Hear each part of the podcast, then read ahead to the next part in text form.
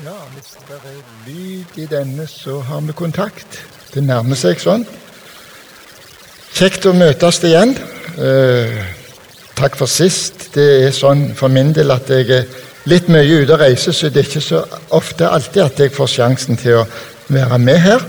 Men eh, godt er det å få komme tilbake igjen. Jeg har vært i Nord-Norge en periode og hatt møter rundt omkring. Og så har jeg hatt påske, hele påsken inne i Sogn. Veldig gildt. Godt å få være sammen. Og Nå har vi to tekster å forholde oss til denne formiddagen. Og um, Nå skal jeg holde meg til ca. en halv times tid, sånn at vi ikke skal svikte motet i oss og bli, tenke at nå ryker middagen. For det skal vi ikke ha noe av. Men uh, to flotte tekster, egentlig, som uh, i seg sjøl forteller mye til oss om uh, apostelen Paulus, men om apostlene sine ja, skal vi si, Det heter jo gjerninger. Vi kunne også si opplevelser. Og alt det. Og så skal vi prøve å spisse det til. Hva er det Gud ville si oss med dette? Men først en liten sånn aperitif. Det er sånn en liten smaksstart. Før middagen så får du en liten sånn en kanskje på forhånd. Og Da står det sånn i Salmenes bok, i Salme 119, vers 105. Det er den lengste salmen vi har i Bibelen. Og Der står det at ditt ord er en lykt for min fot og et lys på min sti. Det tar vi med oss som en liten forsmak på alt det vi skal høre. For det er en kjernesak i det vi skal høre. Ditt ord er en lykt for min fot og et lys på min sti. Det er flott å ta med oss. Jeg husker det når jeg ble frelst. Så sa de du må lære deg noen bibelord utenat. Og det har blitt altså så, for det er ikke lett å lære de utenat for meg nå. Vi begynner så blir gamle oppi her. Men uh, hva det har å bety, det som vi lærte oss utenat, sangvers som, som sa mye til oss og sånt, viktige ting. Så er vi kommet til apostelen Paulus sin forsvarstale. Jeg skulle hatt den litt flatere, den der. Sånn, ja. Der falt lyset inn. Lys må vi ha. Fram en fot. Lykt på stien. ja, så møter vi altså Paulus forsvarstale. Han er ferdig med den tredje misjonsreise. Mm, jeg tar bare punktvis litt, så at vi, vi minner oss igjen det vi leste punkt for punkt i det som skjedde Paulus, og så kjører vi inn i det som jeg har, syns jeg har fått å dele med dere i dette. Men Paulus er ferdig med den tredje misjonsreise. Og um, han hadde en hovedsak, Paulus, og det var å forkynne ordet. Det var en hovedsak for Paulus. Og du som vil lese kapittel 9 du leser om han som ble frelst, møtte det sterke lyset og eh, falt til jorden, ble blinde og ble ført inn til en mann som het Ananias. Og så ordner Gud det sånn at det, eh, det var Jesus som Saulus møtte der. Og så sier Bibelen sier Jesus til Paulus, sa han, og til oss omvend dere og tro evangeliet. Det er sånn en liten sum det som er der. Omvend dere. Tro evangeliet. Og så kan du og jeg spørre sånn til oss sjøl i dag. Hvor er jeg i dette her? Er jeg født på ny? Ja, men det står i Bibelen 'ransak deg sjøl'. Så da skal vi ikke vente til de andre gjør det. Det blir bare litt vanskelig også. Men prøv deg sjøl. Er jeg i troen på Jesus? Du, Det står om liv og død. Og der sto Paulus. Han som var fariser, som dere leste om. Han som var utdanna ved Gamaliels føtter. Det var liksom det høyeste teologiske retning. Han kunne få toppresultater, skal vi tenke sånn. Ikke sant? Saul, Saul, hvorfor forfølger du meg? Ikke sant?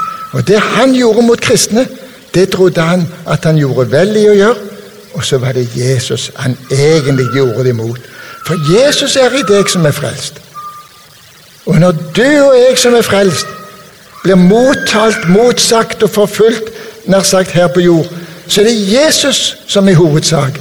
blir forfulgt. Men du og jeg som følger Jesus, vi får møte den samme verdslige ånd. Det skal vi komme tilbake til mot slutten av dette møtet. Eh, talen her. Dere som var der sist jeg var der og hørte fra kapittel 15, da de reiste opp til Jerusalem, og da skulle de prøve det Paulus forkynner. Stemmer det med det som Jesus ville? Kjære deg, skal vi snu litt på det? Det som du og jeg tror, stemmer det med det Jesus har sagt? Ja, Det er avhengig av hvor vi leser det. Det er avhengig av hva vi hører. Ta det med som en liten test inn i mitt eget liv. Jeg er livredd for Tenk om vi skulle falle ifra. Og det var Saulus, det var Paulus også. Og Paulus var redd for disse i menigheten omkring, disse i Rom, disse i Korint, disse i Efesus. Og at noen ikke må komme og lure dem bort fra Jesus.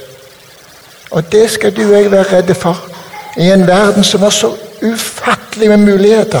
At vi i den lille firkanta kassen inne hjemme på rommet kan få inn hele verden med godt og vondt. Og hvor det er viktig for oss å velge. Hvor det er viktig for oss å velge. Og Det var Paulus redd for når han skrev til galaterne. Dere, dere må ikke høre på disse her som vil legge dere unna en ny lov igjen. Tro på Jesus. Bare Jesus. Sånn var det. Og så leste vi her, hørte vi om uh, Det var mange som kjempa imot Paulus. Det var jo det. Og disse fariseere, skriftlærde og sånn, de ble illsinte fordi Ja, hvorfor for de? Fordi Paulus forkynte vi trenger ikke omskjære lenger. Du kan gjøre det, du kan levere å gjøre det. Det betyr ingenting. Det som betyr noe, det er at du og jeg er født på ny. Det betyr noe. Da er vi nye borgere av himmelen. Da Da hører vi himmelen til. Men disse her judaistene dette her, de lærte Paulus. Han forlater den gamle pakt. Han fører dere vill, osv. Så videre. sånn var det han sa det. Og så skulle vi begynne å gjøre gjerninger. For vi må passe på at vi er skikkelig omvendt, og vi må passe på at vi tror på rette måten, osv. Så sånt. Vi må omskjæres av disse her judaistene. Og så kan det så lett føre deg og meg inn i noe strev som en mist av syne. Jesus døde for meg. Han bar meg, min skyld og alt det der. Dette var kjernen, var det blitt i Paulus sin forkynnelse og i sin virksomhet. Kjernen. Så tenk litt på det som ble lest brødre og fedre. Tenk på Paulus, der står han og snakker med alle disse her eldste i fariseerflokken og alt det der som de hadde i sitt system. Så kunne han sagt dere som holder på sånn. Nei, brødre, fedre. Så stiger han ned og er lavere enn de for å få dem til å lytte. Så presenterte han seg. Leste vi at han var fra Tarsis, Kilikia, at han var uh, fariseer, at han reiste og fanget de kristne, føre de i fengsel, gjerne torturere de. Det er jo det vi opplever i dag òg. Gjerne ikke i Norge, men i andre land rundt omkring. Og Syria tenker jeg særlig på. Og dette å møte døden fordi du tror på Jesus, som jeg tenker mange ganger når jeg leser og hører nyheter og sånn Hva om dette møtte meg? Så skal jeg slippe å lure på om jeg vil greie å stå eller falle i det, for jeg skal få lov til å høre til Jesus. Jeg skal få regne med Han som også tillot at noen måtte dø for Hans navn. Ja, tenk det. Så kalte Jesus Saulus til apostel, og så stiger han inn for Det høye råd. Det var kapittel 23. Og så beskriver han seg sjøl og så beskriver han at Jesus har grepet meg sånn at jeg kan ikke la være å forkynne hans navn. Og så husker du gjerne hvor sinte de ble, disse judaistene, fariseerne, skriftlærde. Hva gjør jeg nå? Sånn tenkte Paulus. Og så dukker det opp en spenningsmoment. For i den flokken her, der var det fariseere, og så var det sadukeere. Det var ei grein av det hele, men de var forskjellige. Fariseerne de trodde på Jesus, nei, på, på, på oppstandelse. De trodde på under, på engler osv. Sadukerene de hadde ikke tro for det.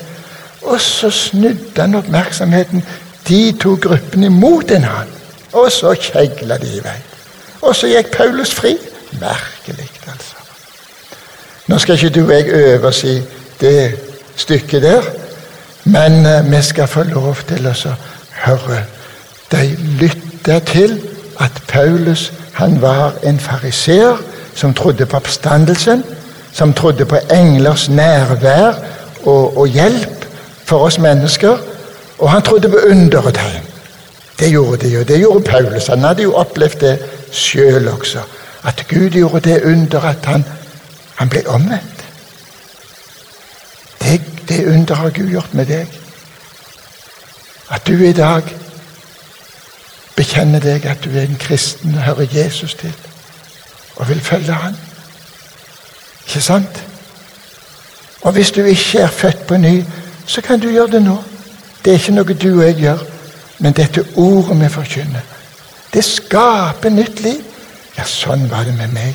Jeg satt i en kirkebenk aner ikke i dag hva jeg hørte for noe. Men der ble det sånn for meg. Jeg vil lytte til Jesus. Og så ble det starten på mitt kristenliv. Så ble fortsettelsen at gode venner drog meg med. Og det tror jeg disse herrene medkristne til Saulus Jesu meddisipler, de drog på Paulus. Så de ble én flokk. Og så fikk de føre videre. Og vet du hva, når Paulus skriver til Timotius, så sier han en ting, to ting til Timotius. Du, Timotius, pass på at du ikke faller fra. Det var viktig. Og så sier han en annen ting. Timotius, jeg vet hvem jeg tror på. Det gjør jeg òg. Ikke bare at jeg tror på Bibelen og en Jesus, men jeg tror at han bor i meg. Det er en erfaring. Det er en tro og erfaring. Han bor i meg. Jeg vet at her er synder i livet mitt. Og de plager mange ganger, og så måtte se at du aldri blir bedre. Og enda mer har jeg bruk for Jesus. Og husker så godt da, altså, da, da jeg ble frelst for en god del år siden, så ble jeg glad i Jesus. Og det kan ikke jeg forklare. Det er så merkelig, det, for jeg, jeg likte ikke når folk brukte Jesu navn i forhold til det de spurte meg om. Men tenk, så ble han det største og herligste som jeg vet om. Jesus, navnet Jesus, blekner aldri. Så hvis det, det andre Timotes brev 1.12 dukker opp på skjermen, så kan du få se det ordet der 'Jeg vet på hvem jeg tror'. Underlig å ta det i min munn, for det er en bekjennelse. Vi bekjente jo i dag, ikke sant? Jeg tror på Gud Fader. Jeg tror. Lær han godt utenat. Bekjenn det for deg sjøl. Da vet du hva du skal svare når andre kommer og spør. Ja, jeg vet hvem jeg tror på. Det er jeg. Jeg har fått greie på det. Det er Jesus. Nå skal jeg spørre dere et par, stille et par spørsmål. Hvorfor tror du at Paulus er villig til å gå i fengsel og dø pga. dette budskapet han forkynte? Hvorfor tror du han er villig til å gå i fengsel? Skal vi prøve å finne et svar på det? Jeg tror Paulus han var trygg på det. Vi må forkynne evangeliet. Det var han trygg på. Og evangeliet, det vekker forargelse. Anstøt. Dårskap. At, det, at å tro på noen som hang på et kors. Dårskap. Tull, er det mange som sier. Jeg tror, for Bibelen har sagt det. Sånn er det. Og det var Paulus også klar. Så han sier det endog jeg er villig til å dø for Jesus. Tenk det. Hvorfor? Fordi han trodde det ord som Bibelen forkynner, det frelser mennesker. Og det skal vi få lov å ta med oss. Og så et annet spørsmål. Hvorfor tillater Gud Hvorfor tillater Gud at mennesker, troende barn, apostler og kristne, kvinner og menn, blir fanget? Hvorfor tillater Gud at de blir torturert? Kunne han ikke latt det være? Og da har jeg tenkt det. Gud tillater at du og jeg og mennesker må lide fordi ordet må fram. Tenk deg, det er én ting som er det viktigste for Gud denne verden. Det er at Bibelen kommer fram til folk. Og da skulle det være sånn for meg og deg. Det viktigste du og jeg kan være med på denne jord, det er å spre evangeliet. For det er det som skaper nye mennesker. Det er det som frelser fra synd, ifra Guds vrede. Evangeliet om Jesus. Derfor tillater Gud. Bare tenk litt når vi ser historien, vekkelsene. Så kom de gjerne når mennesker var på flukt, eller de var utsatt for overgrep og slik, i forfølgelser. Så blomstrer forkynnelsen. Merkelig nok. For det er når vi er i nød at vi trenger hjelp. Og så virker det på den måten. Så de to tingene holder vi klart. Det var viktig for Paulus fordi han hadde erfart ordet må fram. Og så var det viktig for Guds skyld. Om du og jeg må lide, det, det er ikke en hovedsak, kjære deg. Unnskyld at jeg sier det sånn. Om du og jeg må lide, det er ikke noe vi fryder oss over. Men at du og jeg må lide, det hører med til kristenlivet. Tenk på deg i Syria og mange av disse andre. Å, det er så vondt å tenke på. Og det er så mange som, om det er ytre fredelig, men de kjenner ikke Jesu navn. Har aldri hørt Jesu navn engang. Og så leste jeg et sted ennå er det to milliarder mennesker som ikke har hørt evangeliet. Og du og jeg har hørt det. Mange ganger. Kanskje Jesus må spørre skal ikke du være med i sendetjeneste. Være med å dra det ut. Da er du midt i Paulus' virksomhet. Midt i det som er hovedbudskapet i dag. Ordet, apostelen, og meg. Tenk på det. Og så hadde jeg lyst, når vi nærmer oss slutten, ta tre punkt til lærdom. Kanskje fire. For det første, og det har vi sagt, forkynne ordet. Det er en lærdom vi får av all den sjauen som ble omkring Paulus der han var, og de ville fange De ville drepe han. De ropte 'vekk med han'. Hvorfor det? For det skar deg i hjertet å høre navnet Jesus. Vel, vel. Det er frelsernavnet. Ordet må ut. Det er det største og første vi skal lære som en konsekvens av å kjenne Guds ord. Og da skal vi tenke sånn Gud vil sørge for at ordet blir forkynt. Tar du med deg den? Gud vil sørge for at ordet blir forkynt. Og hvis du og jeg vil leve godt med Jesus, så finner han en medarbeider i deg og meg. Det kan du være sikker på. Hvis du og jeg vil leve med Jesus, så kommer han en dag og banker på hos deg. Vil du? Og så kommer det et spørsmål. Og noen har fått det. Og noen av oss har levd i det. Og for all del, jeg sier ikke det at det å være på jobben ikke er en jobb i Guds rike. Gud vil at du skal være der du er, inntil han viser deg en annen vei. Så er det andre. Forfølgelse. Regn med forfølgelse. Du, Det er svært å si noe sånt. Hvis vi får opp Jakobs brev Det er altså ikke noe jeg har skrevet. Jakobs brev, kapittel 1, vers 12. Jakobs brev. Så står det der Salig er den mann som holder ut i fristelse, for når han har stått sin prøve, skal han få livets krone. Ikke sant? Som holder ut i fristelse. Det er ikke bare sånne lystbetonte ting som kan være fristelse. Det kan være en prøvelse òg, det. Som gjør at vi fristes til å lure oss unna, trekke oss tilbake. For så langt vil vi ikke. Så nært Jesus vil vi ikke være. Hmm. Ja. Skal vi prøve 2. Timotes brev 3,12? Og det er en sterk sats. Ja, den kommer sikkert før vi går hjem. Alle som vil leve gudfryktig i Herren, skal bli forfølgt. Det er Bibelens ord. Litt for meg å tenke på, litt for deg å tenke på. Og så må jeg si noe om det tredje. Først bare merke det, og så må jeg si noe om det.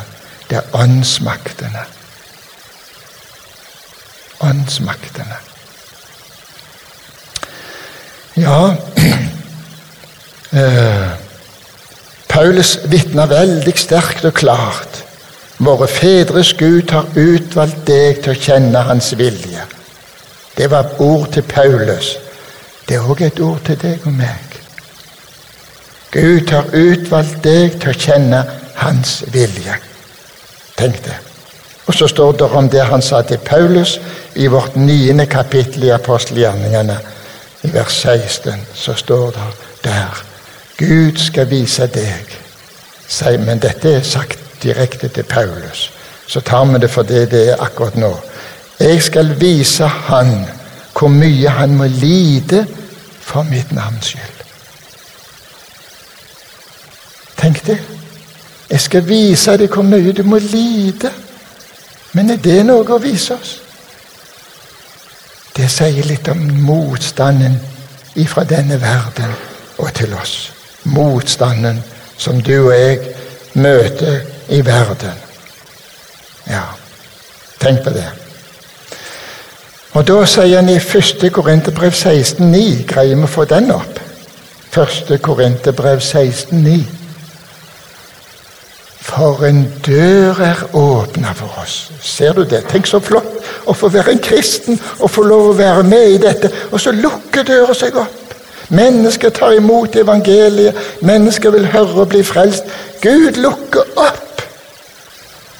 Men det er en stor og virksom dør, og det er mange motstandere. Mange motstandere. Sånn må en kristen regne med her på jord.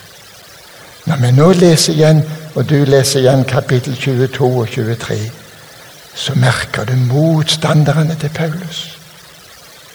Mange motstandere. Ja, så sier Efeserbrevet i kapittel 2 og vers 2 Det kan vi godt få opp. For det står at det er du og jeg, vi vandrer på denne verdens måte å leve på. Du og jeg, vi bor i verden. Vi er ikke i himmelen ennå. Jesus kalte oss til å vandre med Han et annerledes liv. Og jeg vet iallfall for min del, før jeg ble frelst, var jeg jo en verdslig mann, for å bruke det uttrykket. Jeg var jo ufrelst, fortapt, kort og godt. Forsto det ikke sjøl. Jeg levde på denne verdens vis. Da tenker vi på oss sjøl tenker på fordelene, ikke sant, osv. Alt det der. Denne verdens vis. Det er åndsmakt. Åndsmakt. Motstandere, denne verdensvis. Og når du da går til Efeserbrevet 6, så kan du sette opp vers 11 og 12. Og så har vi liksom noe vi knytter litt sammen til slutt.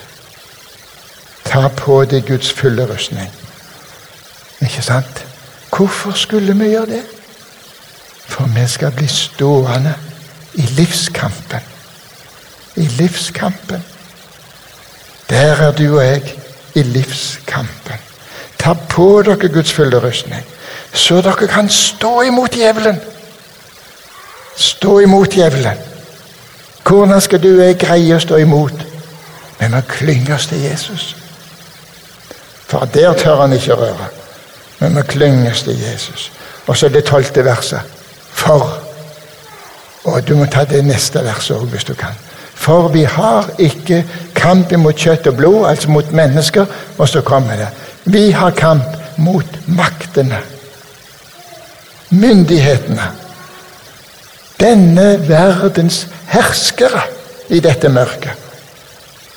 Er det sånn å være kristen? Kjære gode deg, sånn er det å være kristen.